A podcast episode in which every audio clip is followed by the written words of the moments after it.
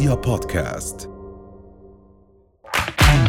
أهلا وسهلا فيكم برؤيا بودكاست ترند.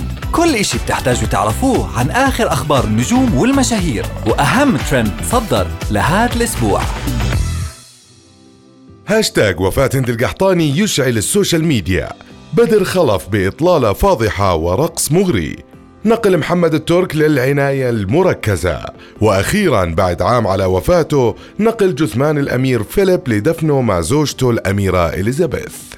تصدر هاشتاج وفاة هند القحطاني الترند على تويتر والسوشيال ميديا في السعودية وأشعل اسمها مواقع التواصل الاجتماعي بعد ما تناقلوا المتابعين خبر وفاتها. وغرد أكثر من 9500 ناشط على تويتر بهاشتاج وفاة هند القحطاني بدون أي رد فعل منها. وبعد ما أثار الموضوع الجدل طلعت هند على سنابها وكتبت ماني بميتة قاعدة على قلوبكم. والله ضحكني الترند. المجنون اللي كتبه ما شاف سناباتي؟ ومن هند القحطاني المثيرة للجدل دائما على السوشيال ميديا ننتقل إلى بدر خلف.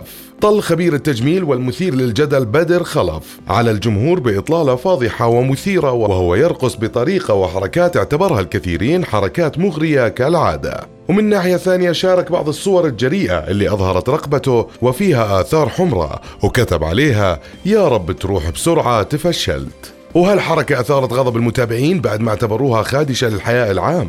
وما بتمثل عاداتهم وتقاليدهم؟ ومن المعروف إنه بدر خلف دائما بقدم نصائح للنساء. وهالمرة قدم لهم نصيحة اعتبرها الكثيرين غريبة وغير مناسبة وكتب على صورة مغرية له الإغراء سلاحك استفيدي منه.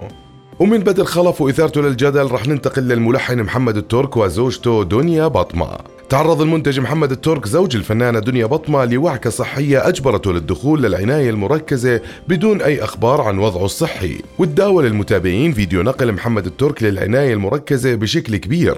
وظهر بالفيديو وهو فاقد للوعي بشكل كامل. وانتقل محمد الترك للعناية المركزة بعد ما تعرض لموقف طرد من حفلة زوجته الفنانة دنيا بطمة في الفترة الأخيرة. وانتشر فيديو طرده من الحفلة على نطاق واسع على السوشيال ميديا. ومن جهة ثانية صدمت والدة الفنانة دنيا بطمة الجمهور بعد حديثها عن الملحن محمد الترك ونشرت والدة دنيا بطمة فيديو على إنستغرام وعلقت عليه الانتقام الحقيقي إنك تطرد الناس اللي أذتك من حياتك.